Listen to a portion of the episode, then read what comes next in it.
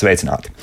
29. oktobris ir Pasaules insulta diena. Nav jau tā, ka to dienu atzīmēsim ar svētku salūtu, baloniem un kūkām. Par kūkām vispār labāk nerunāsim, bet atgādināt arī to, ka insultam nav lockdown. To gan vajadzētu.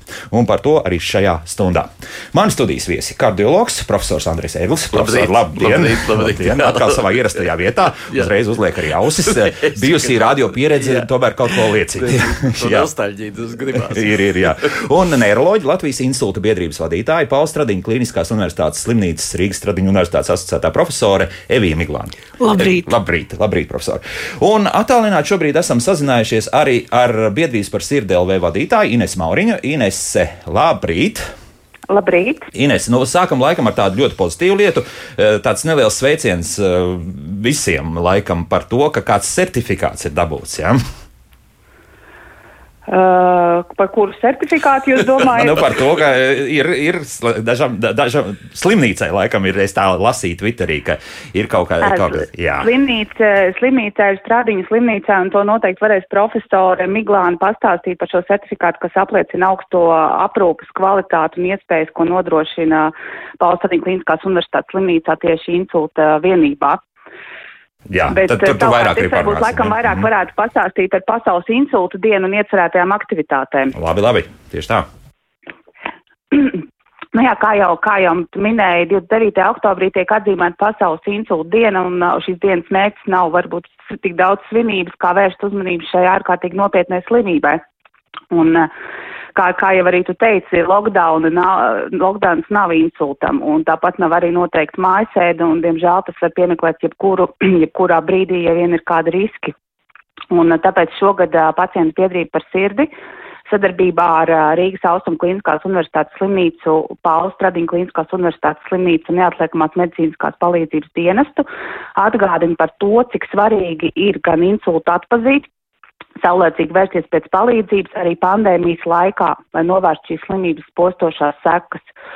Mēs šobrīd arī saņemam diezgan daudz jautājumus no pacientiem, no cilvēkiem, kas ir vienkārši arī nedaudz apjukuši šajā ārkārtas situācijā, vai un kādi šobrīd ir iespējami izmeklējumi pie speciālistiem, vai ir iespējams tikt pie kardiologa vai pie neirologa. Un cilvēki ir arī satraukšies par to, ja kaut kas notiks, vai viņus vedīs uz slimnīcu.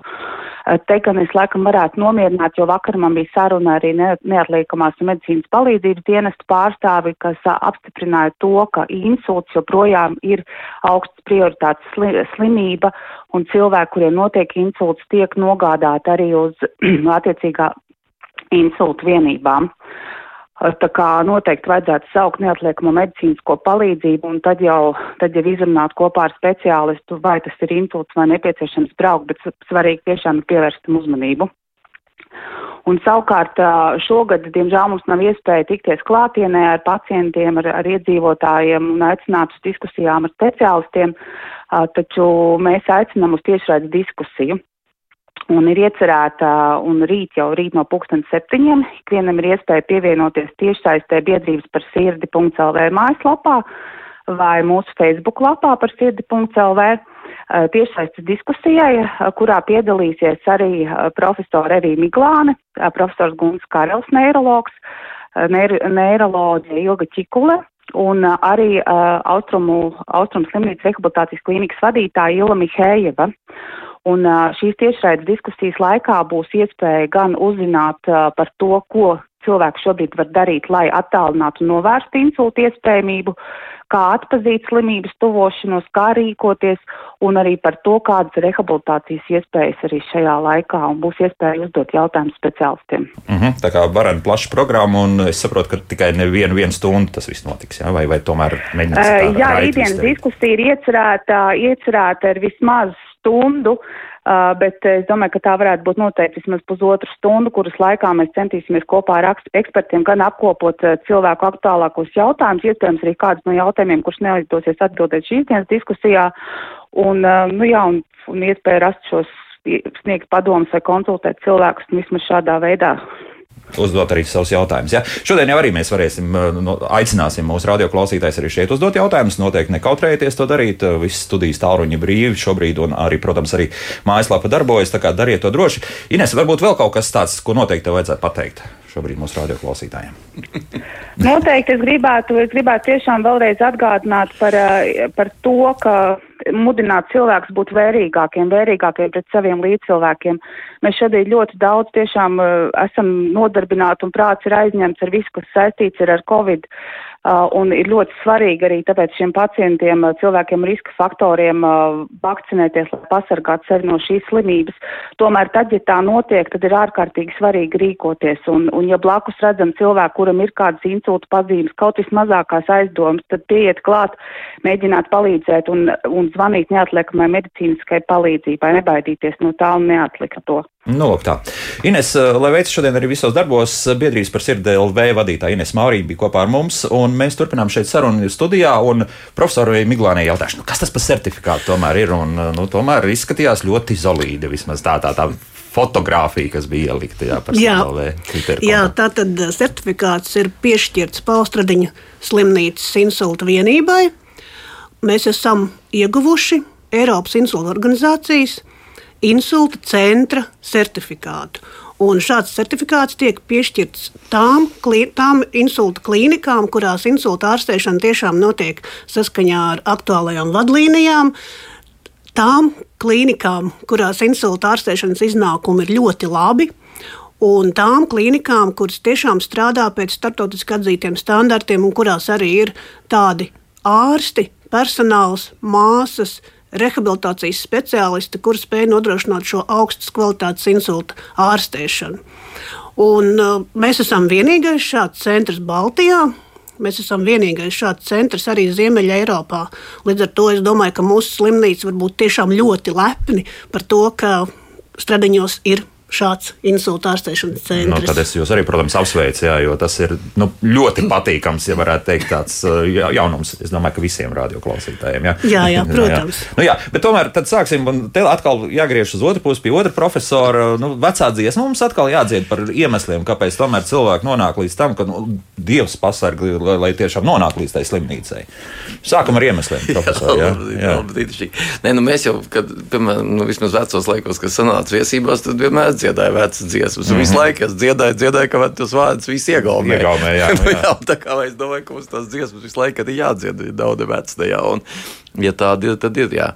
Un uh, es tiešām arī ļoti, ļoti priecājos par šo. Es vispār priecājos par neiroloģijas attīstību pašreiz Latvijā, kas es tomēr ļoti ceru, ka tiešām ir ciešā saistībā, kā profesors Miglāns to labi zina, un arī mēs daudzus gadus kopā strādājam, un ar kardiovaskulārām lietām, kardioloģiju arī. Un, Un, un arī man ļoti liels prieks par Austrumu slimnīcu un profesoru Karelu un grupu un tādu. Un, un īstenībā tagad arī ļoti daudz kur citur notiek, arī, kur, piemēram, invazīvie kardiologi sāk iesaistīties gan Daugopilī insulta ārstēšanā, tie mani arī zināmā skolnieki. Un, un, un jāatzīst, ka man pašam bija tā, tas sākums ap tiem 80 gadiem. Tur bija jau, jau, jau mūsu slimnīcā dr. Raits un, un, un, un Migals doktors. Un, un, un, un, un savukārt Austrums slimnīcā tur vispār ir vesela grupa, invazīva grupa ar dr. Varonu. Un, tur, nu, es katrā ziņā esmu vienmēr bijis arī klātajā, un es faktiski viens no pirmajām tām trombolīzēm mēs darījām pat intracerebrāls un tādas. Tā kā, tas jau nav nekas tāds, daudz lietas nav nekas ļoti, Jauns, ļoti, teiksim, ļoti, nu, sistēmiski tas noteikti ir jauns. Un, pieņemsim, tas, ko profesors teica, tas tiešām ir milzīgs. Arī, nu, gan Latvijai, gan, gan stradiņiem, gan arī, man liekas, Austrums slimnīca ir līdzīgs. Austrums slimnīcai viņiem ir līdzīgs arī tāds pats mm. certifikāts par, par insultu vienību. Nu, jā, nu, vienību. Tā atšķirība ir? Nu, tā atšķirība ir tajā nu, ziniet, vērienā ir atšķirība. nu, jā, bet, bet jebkurā, gadījumā, jebkurā gadījumā tas ir skaidrs, ka tas ir vajadzīgs visiem Latvijas iedzīvotājiem. Mm -hmm. un, un, un tā ir tā, tā labā lieta. Tā kā es esmu ārkārtīgi priecīgs par to. Bet kardioloģija ir tieši iesaistīta, vai arī sirds eh, saslimšanas īpaši aritmijas ir tieši iesaistīta šajā faktiski infarkta, jeb eh, smadzeņu infarkta rašanās, jeb insultu, ko mēs laikam tautas valodā, kas varbūt nav simtprocentīgi pareizi, bet nu, tomēr nu, mēs laikam tā jā, sakām. Mēs vēl dalām jātos. Jā, jā, jā jēdziens vispār saprotams ir. Jā, jā, protams, jā, jā, protams, protams mm. tā kā es tur nekā neproducēju, un, un mums ar profesoru jau ir bijušas ļoti ilgstoši kopā gan, gan, gan eh, viena tā attieksme pret, pret medikamentu lietošanu, ja mums ir vienādas diezgan tāds īpaši, kas attiec uz antikoagulantiem un tādām lietām. Tā kā es domāju, ka tā lieta labā veidā ļoti iet uz priekšu, un, un, un, un arī reģistri un uzskaita. Un, tā. un tas, ko Inês teica, jā, nu, tā ir milzīga taisnība, jo mēs nedrīkstam aizmirst, mēs nedrīkstam, tas ir tas, ko mums visu laiku vēlreiz jāatcerās. tā mums īpaši, nu, varbūt arī ārstiem tas ir jāskaidro, ka skaidrs, ka mums pašreiz ir tos prātus un to telpu informatīvo un vispārējo aizņem tā kā viena infekcija. Nu, bet tādas infekcijas, nu, diemžēl, pasaules vēsturē ļoti daudz. Un būs vēl. Un būs vēl. Un, un, un tas ir tas nomierinošais. bet, bet, bet, bet to, ko es gribu teikt, ka mēs ar to daudz labāk mācāmies tikt galā. Mm -hmm. Bet tādēļ mēs nedrīkstam aizmirst visas citas lietas. Un, un, un īstenībā, jebkurā gadījumā, vienalga, skaitiet, kā gribiet uz priekšu, uz atpakaļ, no atpakaļ uz priekšu, jebkurā gadījumā, ja mēs skatāmies uz, uz cilvēku to varbūt invaliditāti, un uz cilvēku, diemžēl, arī mirstību, tad kardiovaskulārās slimības ir tālu, tālu priekšā šai, šai infekcijai, pat ja tas ir Covid. Tas gan un, ja mēs un pasaulē vispār skatāmies, jā, tur, jā, tur, ne, nu, tur nav vērts vispār par to diskutēt. Tādēļ mm -hmm. vēl vienreiz un vēl vienreiz mums ir jāatgādina. Mums ir jāizdara pamatlietas. Mums noteikti nevajag nekādu paniku celt, nevajag celt paniku. Nav, es neredzu nevienu stāstu par katastrofu. Skaidrs, ka mums ir jāmobilizējas, skaidrs, ka mums ir daudz lietas jādara, bet mums ir vienkārši jāturpina arī noteikti gan pašiem pacientiem, gan arī cilvēkiem, kam tas varētu būt, vai arī, vai arī kam tas ir bijis. Ir jāturpina kontaktēties gan ar saviem ārstiem, gan nākt uz savu uz Labi, līdz tam vēl nonāksim. Jā, jā. Bet uh, tieši šādā pašā kompānijā mēs šeit sēdējām nu, pirms kādiem nu, krietniem, lai laikam kādi gadi pieci jau būs pagājuši. Un tad eh, viens no tiem pamatelementiem, par ko mēs runājam, ir tas, ka, ja tomēr eh, šāds insults ir noticis, vienalga, vai tas mums būtu tas hemorāģiskais vai išēmiskais, ļoti ātri, principā, pacientam jānonāk slimnīcā. To šobrīd izdodas ievērot, lai, lai būtu mazāk kā tā pusstunda. Nu, pieņemsim, tajā pašā Rīgā es saprotu, ka laukos ir pavisam cita situācija nu, mazāk kā pusstundā līdz slimnīcai praktiski neviens nenonāk. Mm -hmm. Diemžēl tomēr ir kaut kāds laika periods, kas paiet, kamēr saprot, vai saukt ātrā palīdzību vai nesaukt ātrā palīdzību. Es nezinu, kāpēc tur tā tik daudz jādomā. Ir cilvēki, kur gaida stundu, nu, tas vēl būtu saprotams, varbūt, bet ir cilvēki, kur gaida divas un piecas stundas, un ir cilvēki, kur aiziet pagulēt, un tad viņi pieceļās un tad izsauc ātrā palīdzību, vai kāds viņiem izsauc. Nu, to es nesaprotu, kāpēc tā būtu jādara, jo, jo tik daudz par to ir runāts, kā tas insults izpaužās, ka tomēr tā ir vienpusēja paralīze parasti, vai nu vairāk vai mazāk izteikti. Ja, un, un, Pirmais Jautājums nu, uzsmaidi, ja? tad, nu, vai tad, tu spēj pasmaidīt? Jā, vai, jā? vai pasmaidīt, nu, ja mēs runājam par to skalu ātri, tad tā ir tā atsmaidi, ja pasmaidi, pacēl rokas, parunā, nu, tad, tad ja kaut vai kaut ko vienu cilvēks nevar izdarīt, bet parasti jau tomēr tā tipiskā pazīme ir, ka viena ķermeņa puse paliek neklausīga. Ja, vai tas kombinējas ar valodas traucējumiem vai nē, tas ir cits jautājums. Bet, ja tā ir, nu, tad tiešām jāsauc uzreiz ātrā palīdzība. Jo, jo, jo mēs jau visu laiku, kurus vien intervējos, es saku, miljonus neironu minūtē iet bojā, ja cilvēkam notiek insults, vienalga kāda veida insults. Mm -hmm. ja, tāpēc, tāpēc nav ko gaidīt. Katra minūte ir miljonus neironu kas neatgriezeniski iet bojā. Kas notiek tad, kad jau nu, pacients ir pie jums? Tad, tad pirmais, ir kaut kas šo gadu desmit laikā mainījies, vai principā tā, tā nu, tehnoloģija būs tāda pati?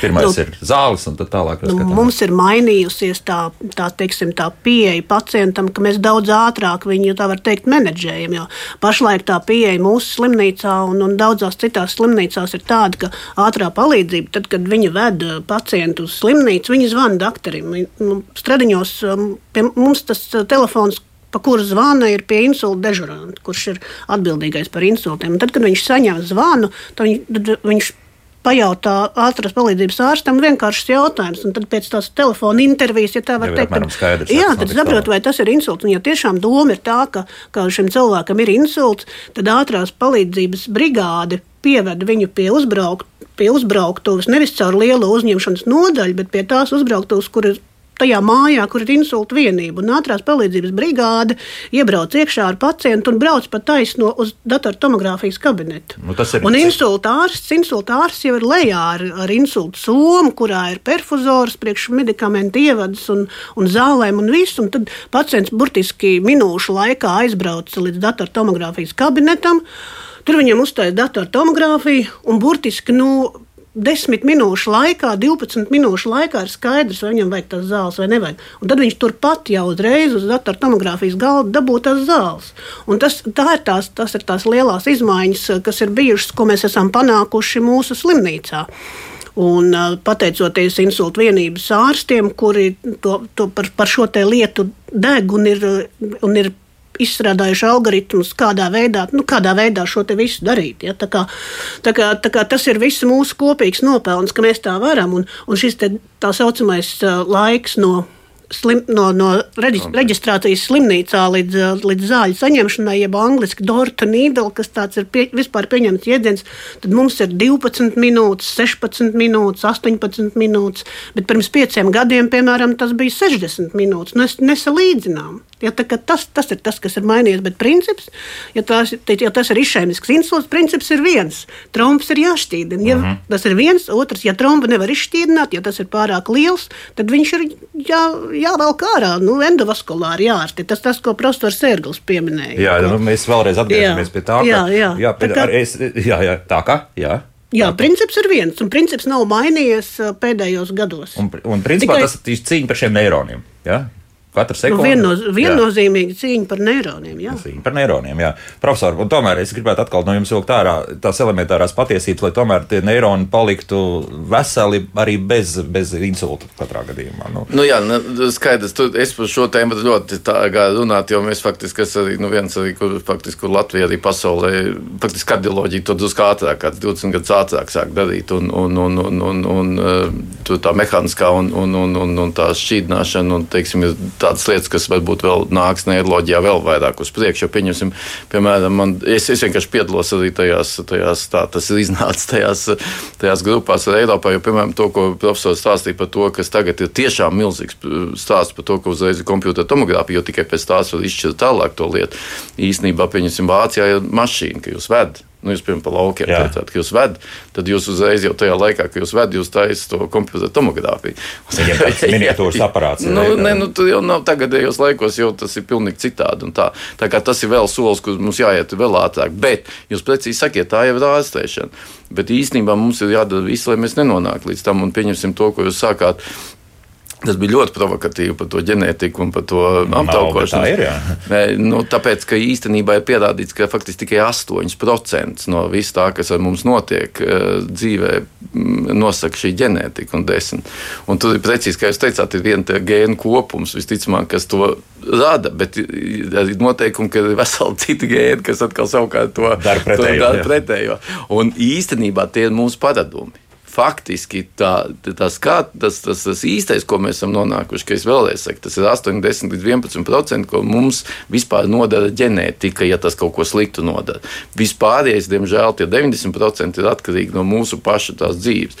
Nu, viena šī lieta ir tās, ir, protams, ka pirmkārt tā ir kā mēs esam noskaidrojuši kopīgos ar, ar, ar profesoru arī pētījumos, reģistros, ka ir apmēram 75% no tiem išēmiskiem, nu, vai insultiem, ko mēs tautas valodā saucam, bet nu, tie drusku mazāk būs, ir faktiski aritmija radīti, nu, lielākoties mirdzaritmija radīti. Tas ir tas, ka mums ir šie trombiņi, ir vienkārši arī, jo katra tā sirds tā pārmainīšana, tas ir vienkārši tā kā tāds, mēs sakam elektrošoks, mēs visi labi zinām, ka ir elektrošoks, mēs izdarām elektrošoku tad, kad ir aritmija. Bet īstenībā te jums pats par sevi mainās tas tā aritmija uz to sīnus ritmu. Katra tā lieta arī iet caur lielu tādu nu, pārmaiņu.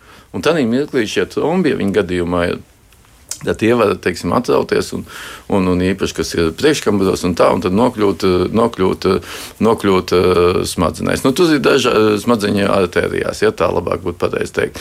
Nu, tās ir tādas vesela rinda lietas, kuras mums vajadzētu šo, šo darīt, šo prevenciju, lai tas nenotiktu. Un viens no tiem ir nu, tā kārtīgi sevi, sev sekot līdzi, un tad jau tālāk, ja šī aritmija ir, tad jau ir jāsāk, un tas ir tas, ko mēs arī kopīgi darām, ko neirologi mums sūta, ko mēs atkal savukārt pēc tam atkal neirologiem daudz ko sūtam, tiešām faktiski jāmēģina visādā divos veidos. Mēs esam pašreiz aritmiju, nu, vai ne, kā, kā saka, vismaz preventēt. Ja tas ir nodarīt, lai tā nedara tik liela lieta. Viena ir, ka mēs lietojam antikoagulants, kas ir tagad vieglāk lietot, un kas mums atkal ir jādiskutē ar veselības ministriju, vienkārši, lai mēs samazinātu, un es domāju, ka mēs tūlīt mums būs tāda eksperta mītīņš, lai mēs samazinātu to līdzmaksājumu, respektīvi, nu, vairāk cilvēku varētu saņemt šos antikoagulantus, kas ir jaunie, tie, kur nav jānosaka, katru divas nedēļas nav jānosaka analīzes, nav viena arī jānosaka. Ja?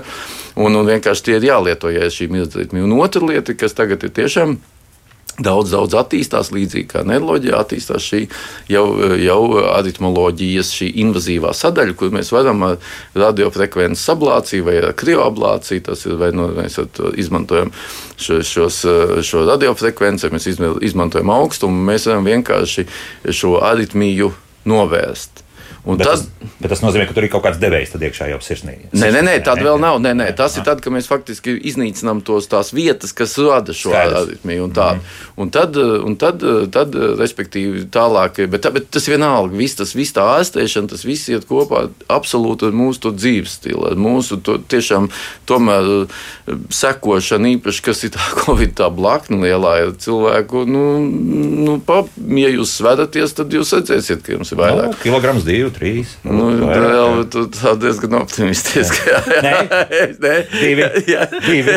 nu, labi. Divi. Man, man tas bija drausmīgi, man jā. tas bija šausmīgi. Nu, jā, un jā. es tā lieta var būt. Un, un, un, un tāds lietas. Un, un, un tas ir tas, ko mēs ēdam. Jā. Tas ir tas, kāds, ka mēs ejam pie ārsta. Nu, mums ir jāsaprot, ka pie ārsta, jā, mums, tas ir tas, kāpēc mums tā vide jādara slimnīcā, mm. kā ārsti, ka pie ārsta aiziet. Tas ir nu, pat vienkārši mums ir vajadzīgs tās analīzes. Mums jāzina savs holesterīns, jāzina savs asinsspiediens, jāzina savs cukuru līmenis un, un tādas lietas. Ja? Un tad ir savs ķermeņa masas indeks, tas ir ļoti interesanti. Tas vispār mainās tas ziņās. Tagad ir jauna tā formula, būs kādā veidā. Pielaidīgāk. E, iespējams un droši vien objektīvāk, tāpēc, ka, ja jūs paskatītos āziešus un pieņemsim dienvidamerikāņus bieži vien, tad, tad tur tas ķermeņa masas indeks jau pēc definīcijas ir zemāks nekā, piemēram, Ziemeļvalstīs. Mm -hmm. Un tādēļ faktiski vairāk mēs sākam skatīties uz vidukļu apkārt, apkārtmēru. Ah. Jā, tā kā, jo tie viscerālie tauki ir tieši tie, respektīvi, tie vēdi. Nu, pat viņi visvairāk parāda, ka jums ir tā aptaukošanās. Nu, jā. bet, bet ir tāds dzirdēts, nu, ka, ka, ka sevišķi, nu, ka vīriešiem tur un tā. Tur, jā, nu, jā. Man ir tāds viens ļoti smalks ārsts, kas vienmēr vienmēr teica, ka kaut tām sievietēm austrumos, ka tieši tā, tas, tas vēders tāds, tāds seksīgs tas, kas ir, kas ir mazliet vajadzīgs, jā. bet tiem vīriešiem noteikti ne. Nē, bet es arī domāju, ka nav. Nē, ka, arī sievietēm, ja tomēr tā, izlaidīsim. Nē, nē, nu, tu, tas jau galvas jautājums. Jā, jā pa, bet, pasmējāmies, bet, pasmējāmies, bet arī viens tāds jautājums nopietns, un es eh, šajā gadījumā profesorai Miglānai jautāšu. Viss jau būtu labi, bet slimnīcā uzņemšanas nodaļā insulta slimniekiem jāpavada pāris stundu, kamēr tiek terapijas nodaļā. Neironi par to laiku iet bojā. Tad laikam atkal jāskaidro, kā tad tā, tālāk viss notiek šī sistēma. Nu, laikam jau man grūti, protams, tas ir jautājums no paša. No, no, Nu, es domāju, ka, ka tur varbūt ir tā, ka tas cilvēks arī pa vēlu reiz brauc uz slimnīcu. Jo principā vajadzētu būt tā, ka, ka cilvēks, kurš ir tiešām tajā terapeitiskajā laika logā, kā mēs sakām, ka viņš tiešām tiek tiešā veidā, tiešā veidā pie insulta ārsta, uzreiz uz apskati un pēc tam uz datortomogrāfijas kabinetu. Ja ir kaut kādas neskaidrības vai nokavēts laiks, vai, vai vēl varbūt kaut kādas paralēlas problēmas, kas neļauj to visu tik ātri, 11 minūšu laikā atrisināt un uzsākt ārstēšanu, tad, tad, jā, tad diemžēl ir tas garais ceļš caur, caur uzņemšanas nodaļu jeb neatliekamās medicīnas centri, ja mēs runājam par mūsu slimnīcu. Bet man grūti komentēt, bet katrā ziņā tie pacienti, kur atbrauc terapijas laika logā, viņi netiek nekur nostumti maliņā un nolemti kaut kādai ilgstošai gaidīšanai. Ne, ļoti iespējams, ka tās pirmās manipulācijas ir veiktas, un tālāk varbūt tā, tas laika sprīdis ir mm. palielināts. Nu, nu, ne, tā nevar būt. Nevar būt ja, ja pacients jau, jau uzsāk trombolijas, tad no kabineta, no datortomogrāfijas kabineta, tad viņš brauc tālāk uz insultu vienību. Mm -hmm. Bez nekādas iebraukšanas kaut kur citur. Skaidrs, jā, varbūt mūsu radioklausītājs var paskaidrot uh, šo situāciju drusku vairāk. Nu, protams, jau sāk runāt par, arī par diētu, ko mēs, uh, kādu mēs esam, un profesors Ērglis jau par to runāja, bet, nu, piemēram, Daniels raksta par to, kāpēc tiek runāts, ka insults ir uzturs slimība. To izraisa pārmērīgs dzīvnieku valsts produktu patēriņš. Piekritīsim, laikam, jā. Nu. Ne, nu, tas ir īstenībā tu, tu, tas, ir, tas ir absolūti skaidrs, ka tās ir. To mēs sen zinām, jo, jo, jo mēs faktiski atrodamies absolūti dabisks process. Nu, tas ir vienkārši tas ir dabisks, tas ir ielikts, tas ir ielikts, jo mums kaut kad ir jānomirst. Nu, tā, tas ir skaidrs. Jautājums ir pirmkārt, kā mēs nodzīvojam labi to, kā jūs raidījums, ja, kā labi dzīvot, kā mēs labi nodzīvojam to laiku, kas mums ir atvēlēts, un otrs ir, cik ilgi mēs dzīvojam. Un, ja mēs dzīvojam 120 gadus, nu, tad nav nekāda iemesla mirt 80 gados. Ja mēs dzīvojam 120 gadus, nav nekāda iemesla dabūt to insultu vai infarktu vai ko 60 vai 40 gados. Nedodies, nu, tāds. un tāpēc, bet, lai mēs to varētu panākt. Mums ir jāievēro noteiktas lietas. Nu, šī diēta ir viena no tām lietām. Un, protams, arī šis, šie dzīvnieki aug. Bet es tomēr drusku gribēju um, par to um, situāciju. Tur ir drusku jāuzmanās. Tas ir tas, kas mums ir. Nu, tas ir labi un slikti, bet nu, cilvēki ļoti daudz paši sev uzstāda diagnozes un paši ārstē sev arī. Un, un, un, un dažreiz tas, ko cilvēks uzskata, ka viņam ir šis insults, visticamāk, varbūt nemaz tas nav tas insults. Tāpēc, jo, jo es ne, nu, negribētu, varbūt profesori tieši tā nedomāja, bet mums nevienu cilvēku nenostum nekur maliņā. Mums jau kurš cilvēks tiek Stradiņas slimnīcā, tāpat kā visās pārējās slimnīcās, absolūti ārstēts adekvāti tam, kam, kā tas ir nepieciešams. Skaidrs, ka dzīve notiek vienmēr kaut kas var notikt, par to es nestrīdos. Bet realitāte ir, protams, tā, ka mums vajadzētu iet uz šo ideālo. Kāpēc es to tik ļoti saku? Tāpēc, ka Dorota Nīdla tas ir, tas ir mana tā dzīves, tā, tas visa tā, kas mums ir bijis. Jo tas tieši tas no pats attiecās. Durienam, jā, jā, tas jā, tieši tas pats attiecās uz infarkta ārstēšanu, ko mēs jau faktiski darām nu, 30 gadus uh, realitātē. Nu, Latvijā varbūt drusciņi mazāk. Tā, ja? tā kā tur nav nekāda tāda mazas ābeces. Mums visiem ir skaidrs jautājums, ir, kā sistēma vēl vairāk sakārtot Un jautājums ir precīzi, ko profesors teica, kādā veidā mums ir panākt, lai mēs šis pirmais medicīniskais pirmais medicīniskais kontakts notiktu maksimāli ātri.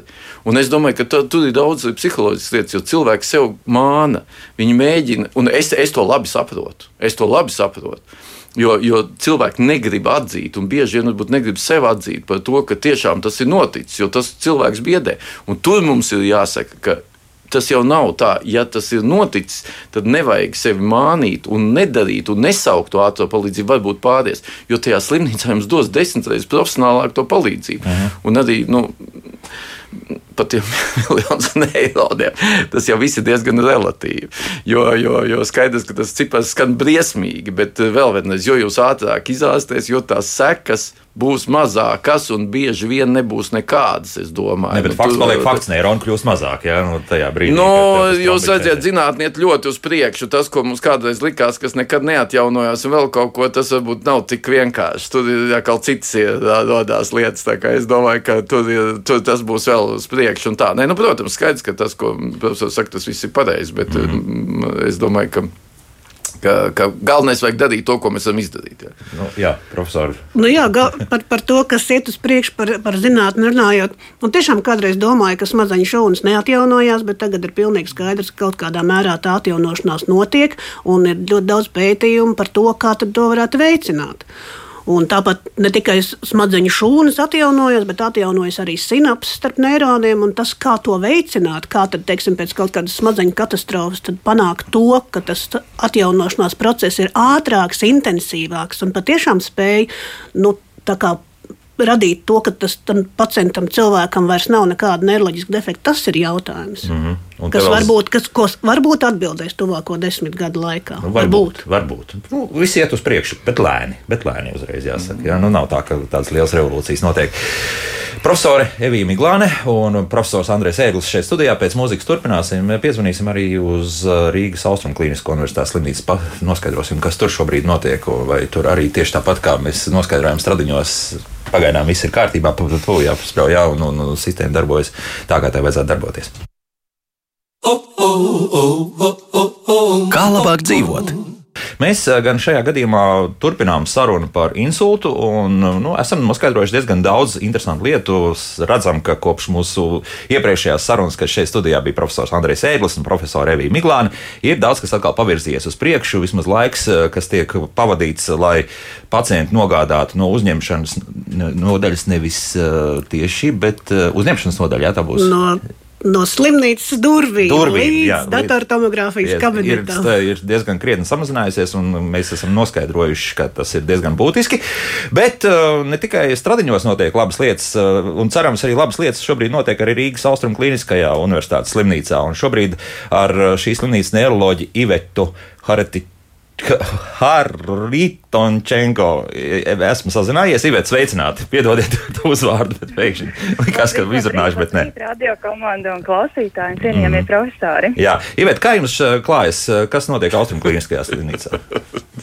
no Austrumklīniskā slimnīcā viss notiekās. Tā kā ņemot vērā to, ka valstī ir izsludināta ārkārtas stāvoklis, jāatzīmē, ka akūto pacientu aprūpe mūsu slimnīcā norit uz priekšu pilnā sparā. Mm -hmm. Tad eh, līdzīgi kā... Tā skaitā arī insulta pacienti.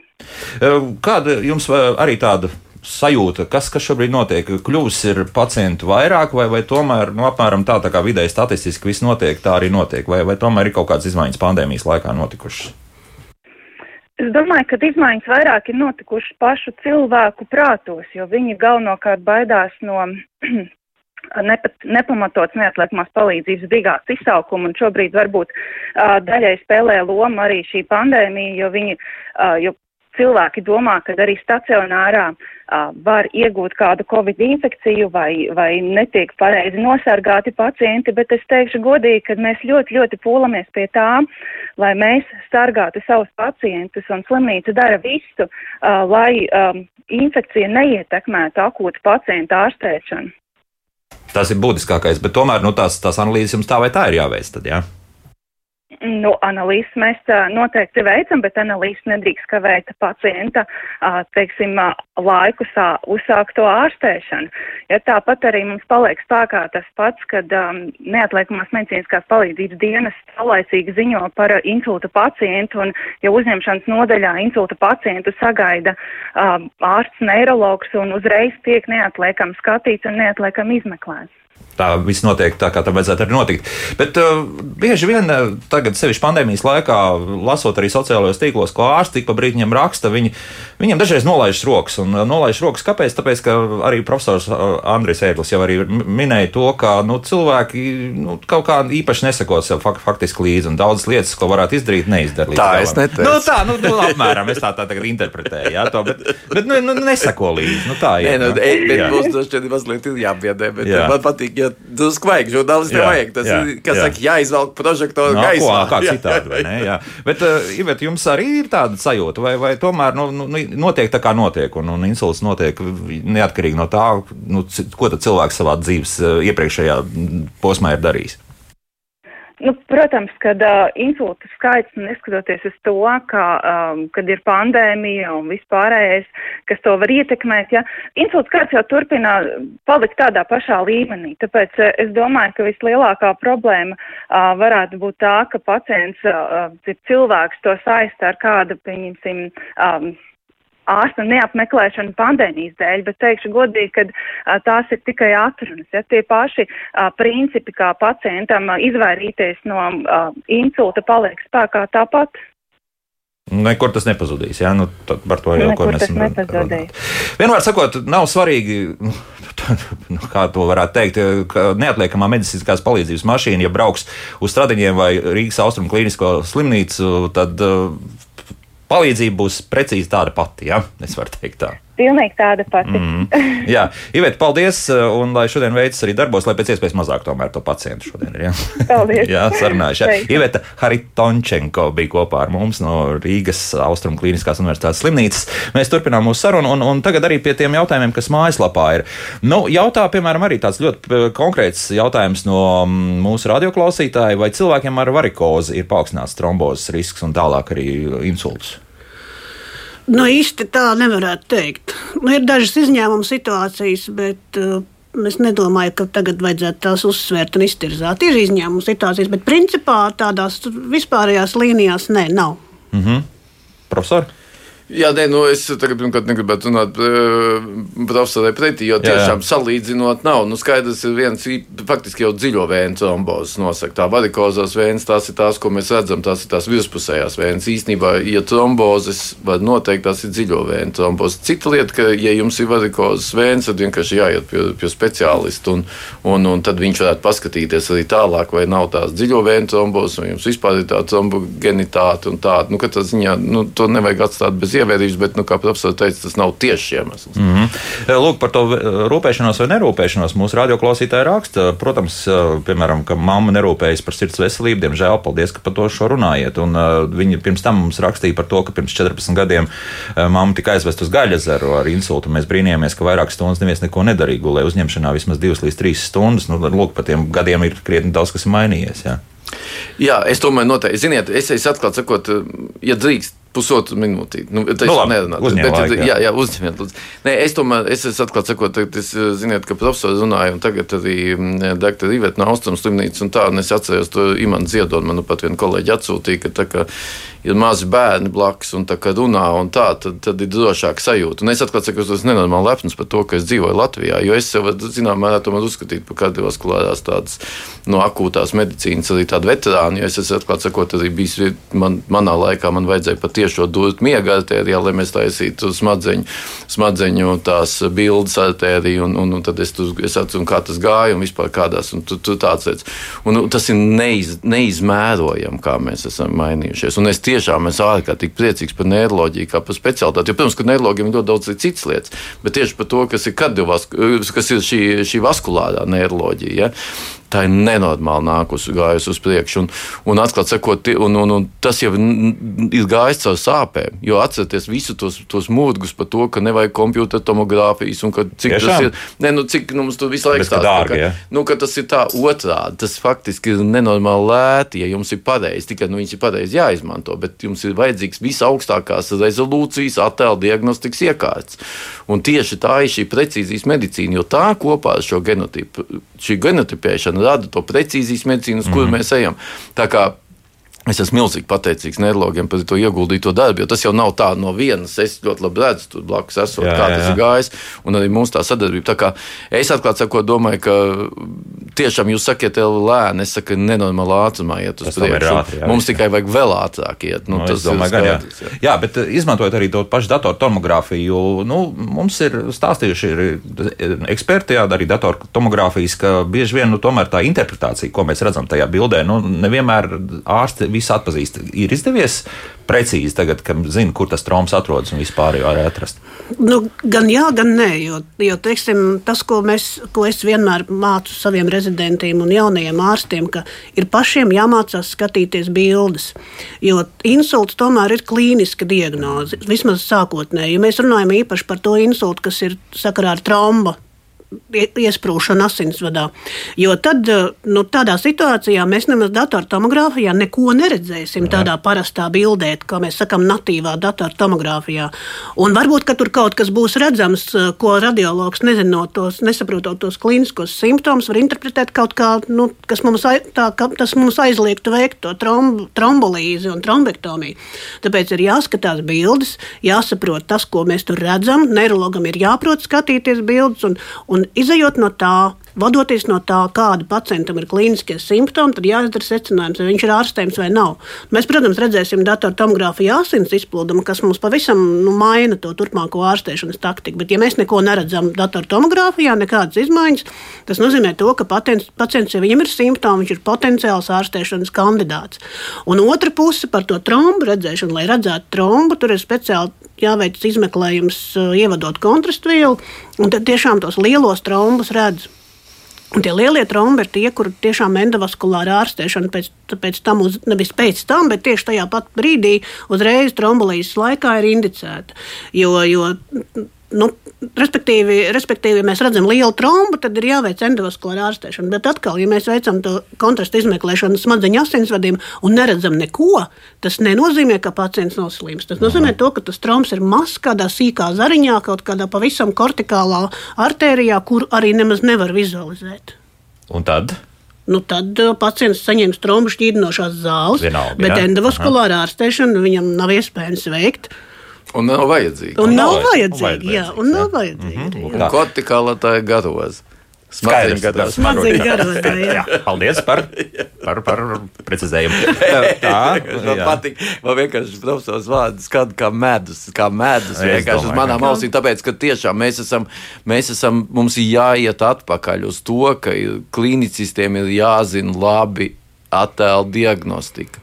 Un mums ir ļoti vajadzīga radiologa. Par to nav runa, jo tur ir vesela rinda lietu, bet mums ir klīnicistiem jāiet. Mums klīnicistiem jāmāk ir antibiotikas arī lietot. Tas ir, mēs ejam kaut kādos nepareizos virzienos, mēs mācām nepareizi. Mēs tagad redzam, ka mēs gribam pasaulē nolikt tos eksāmenus. Kā mēs neizmantojam, kā klīnicistiem daudz vairāk, daudz vairāk pašiem jāstāsta. Kāpēc jūs mācāt nepareizi? Ko? Nu, redz, mēs paši nemākam, acīm redzot. Un tas ir mums jāmācās. Nē, nē, es to ļoti. Profesoriem sēž. Jā, es, es, ļoti, es ļoti, es tiešām mana lielākā pašreiz tā, tā, tā, tā varbūt pat tāda, zinām, tāda kaislība pašreiz ir mācīties mācīt. Mm -hmm. Tāpēc, ka tas ir ļoti grūti. Un, un, un, un es jums pateikšu, kāpēc. Un jūs prasāt, kā iet uz priekšu, tāpēc, ka visu laiku iet uz priekšu dzīve. Un jūs nevarat sēdēt uz vietas. Un tas ir tas īstenībā, viņi iet nenormāli ātri. Nu, tas, un, jā, piekrīt, jā, jā. Īstenībā medicīnā ir revolūcijas. Viņas ir gandrīz katru gadu. Piekrīt, jā, ja es tā paskatos, lasot arī zinātnes publikācijas, zinātniskās, tad tur tiešām ļoti daudz kas notiek. Tā, viens radioklausītājs mums ilgi gaidīs. Lūdzu, jūs varat jautāt? Halo! Labrīt. Labrīt. Sakiet, lūdzu, vai paaugstināts holesterīns vienmēr nozīmē insulta risku? Nu, tas ir trombu veidošanos un insulta risku, ja? Mm -hmm. jo eh, runā, eh, dzirdēju, nu, tur, tur vidukļa apkārtmēri, masas indeks, paaugstināts svars, nekas no tā man nav, bet holesterīns ir paaugstināts. Draudzeņu lokā arī ir tāda pati situācija un ir pretēja, ka ir svars, ir apkārtmēri. Bet toties ar holesterīnu viss ir absolūtā kārtībā. Jā, labi, paldies. Nu, profesor, nu, par tiem holesterīniem. Nu, Nu, noteikti profesors Sērgls daudz labāk varētu par holesterīnu pastāstīt, bet e, nu, ir pilnīgi skaidrs, ka paaugstināts tas sliktais holesterīns ir saistīts ar uh, insulta risku, tādu insulta risku, kas attīstās aterosklerozes dēļ. Tad zebēlis, jā, mums. Nu, jā, jā tas zebēlis. Jā. Jā. Jā, nu, tad, tad šis bija ideāls. Man ļoti, ļoti patīk tā, šis piemērs, jo tur ir tā taisnība. Un tur, protams, tas tur gan nosaka tā ģenētika arī. Un tas, tas holesterīns var būt augstāks, un, un, un te, bet īstenībā tas izlīdzinās. Ja ir augsts holesterīns, bet eh, ķermeņa masas indeks un viss ir mazāks, tad tas risks tomēr ir paaugstināts nekā ja nebūtu šī holesterīna. Bet savukārt tām draudzenēm, kam ir zemes holesterīns, toties ir šis eh, paaugstinātais ķermeņa masas indeks vai vidukļa apkārtnes, viņiem ir šī dēļ ir lielākoties, kas ir saistīts gan ar diabētu lielā mērā, īpaši otrā tipa cukurdiabētu un tā. Un, un, un īstenībā tas, kas mums ir jādara, mums jau nav jābaidās dzīvot, mums ir jādzīvot. Nu, pieņemsim to kūku arī vienreiz mm. tajā nedēļā, jau tur nav nekāda problēma. Tā jautājums ir, ka mums ir jāmēģina samazināt visi šie riska faktori. Un lielākā problēma ir riska faktoru summa. Nevis tikai viens tas, bet summa. Bet, protams, ka nevajag dzīvot. Nākamā par cukuru diabetu, plus paaugstināts holesterīns. Smēķēšana nedodiet nu, asinsspiedienu. Un tas no, jā. ir viss tas sliktākais, bet mums nevajag dzīvot ar paaugstinātu holesterīnu, ja mēs to varam pašreiz ārkārtīgi viegli izlabot. Mm -hmm. Nu, vēl mājaslapā jautājums šāds, ar ko išēmiskais insults atšķiras no hemoroģiskā un kāpēc notiek otrais insults, konkrēts piemērs, ka paziņa 73 gadu vecumā aizgāja aizsaulē no sākuma nokļuva ar pirmo insultu un pēc tam ar otro insultu insultu, tad tomēr uh, mira. Nu, te varētu ļoti gari runāt, Protams, bet nu, tas jā. vienkāršākais ir, atbilde ir tā, ka, ka išēmisks insults ir tad, ja asinsvads nosprostojas un kaut kāda smadzeņu daļa paliek bez asins apgādes. Tas ir dišēmisks insults, jeb cerebrāls infarkts, mēs viņu varam nosaukt. Un otrs, savukārt, insulta veids, tas ir hemorāģisks insults, kas nozīmē to, ka asinsvads pārplīst un smadzenēs izlīst asinis. Mm -hmm. Kāpēc notiek viens, kāpēc notiek viens, kāpēc notiek otrs? Nu, tomēr tā hemorāģiskā insulta galvenais cēlonis ir paaugstināts neārstēts asinsspiediens. Lūk. Viennozīmīgi, mm. viennozīmīgi. Bet paaugstināts asinsspiediens arī ir risks išēmiskam insultam, jeb tam cerebrālam infarktam. Un kaut kādi tie patoģenēzes posmi ir nu, kopīgi gan išēmiskam insultam, gan hemorāģiskam insultam. Un, teiksim, ja cilvēks ir ilgus gadus dzīvojis ar paaugstinātu asinsspiedienu, tad viņam ir gan išēmiski insulta risks, jo sīkie asinsvadiņi nosprostojas. Un tie sīkie asinsvadi arī izmainās, tās sienas kļūst, sieniņas kļūst caurlaidīgas un, un, un no vienas puses caurlaidīgas, trauslas, no otras puses tādas nu, neelastīgas, un tad viņas var arī plīst kaut kādā brīdī. Jo tāpēc, mm -hmm. tāpēc, tāpēc cilvēkam ar ilgstošu paaugstinātu neārstētu asinsspiedienu ir gan išēmiski insulti, gan hemorāģiski insulti. Šis iespējams bija šis gadījums. Varbūt arī tā. Nu, nu jā, es domāju, ka tā ir visticamākais. Nu, visticamāk, jā. Un vēl vienu klausītāju uzklausīsim, un ar to mums, diemžēl, šodien būs jābeidz raidījums. Lūdzu, jūs varat jautāt? Jā, labdien! Gribētos, lai ārsti uzsvertu tādu svarīgu lietu, ka miega trūkums, jo no savas pieredzes es zinu, ka var stāvot uz insulta priekšā, ja tu neesi izgulējis, un tad varbūt tas tiek aizmirst ļoti bieži, un tas ir ļoti svarīgi. Labi, jā, paldies! Jā, miega traucējumi. Jā, nu, profesors Brīsīs izstāstīja tos mehānismus tiešām tēlaini. Miega traucējumi noteikti, bet redziet, mēs, mēs faktiski nonākam beigās, mēs nonākam visu laiku pie tām, pie tām patām sakām viena no tā paša, jo miega traucējumi arī tieši cēlonis gan paaugstinātam asinsspiedienam, gan arī faktiski īstenībā arī vielmaiņai. Un tā vielmaiņa ir tieši tā, kas ir arī holesterīna vielmaiņa. Mm -hmm. un, un, un tam ir tiešām ļoti liela nozīme. Tā kā, protams, ka, ka tas ir viss jāņem vērā. Un, un, un, un, un, Un, un tā, bet es, es domāju, ka vēl vienreiz mums jāiet šis ceļš, mums jāsāk, jāturpina šīs lietas. Un liels paldies! Es tiešām domāju, ka tieši jūs un ar jūsu raidījumu un ar visiem pārējiem raidījumiem nu, Latvijas tauta jau ir gudra tauta. Un mēs tiešām ejam labāk. Ar citu, oh. Es nezinu, kā. Būtu jau labi, ja tā Nē, nē, nu jūs nevajag, nu, tu, nu. Nu, Nu, nē, nu, nu, jūs dzirdējāt, ko tā doktora priecīgā balsī no slimnīcas izsaka. Mēs strādājam, nu beidziet, nu viss jau nekas jau nav, nav, nav nu, nu nevajag, nu nevajag, nu nevajag Nu, to. Jums vajag te kaut ko gaišāku uzkrāsot. nezinu, es kaut kā mm, pēdējo divu nedēļu laikā esmu stipri pesimistisks, kas palicis. Jā, un šī, starp citu, vēl tas ir jautājums par mentālo higiēnu. Mm. Tas viens no lielākajiem stāstiem ir tas, ka jums visu laiku vide stāsta, ka jūs tūlīt iesiet bojā, tad jūs arī iesiet bojā. Un ar to ir jā, jābeidz vienkārši. Jo īstenībā vajag vienkārši racionāli darīt mūsu lietas, kas mums ir jādara, sakārtot un turpināt darīt to, ko mēs darām, un nekāda nebūs ne, tā, tā, tā, tā, tā problēma. Un nekādas atlaides arī. Jā. Arī. arī.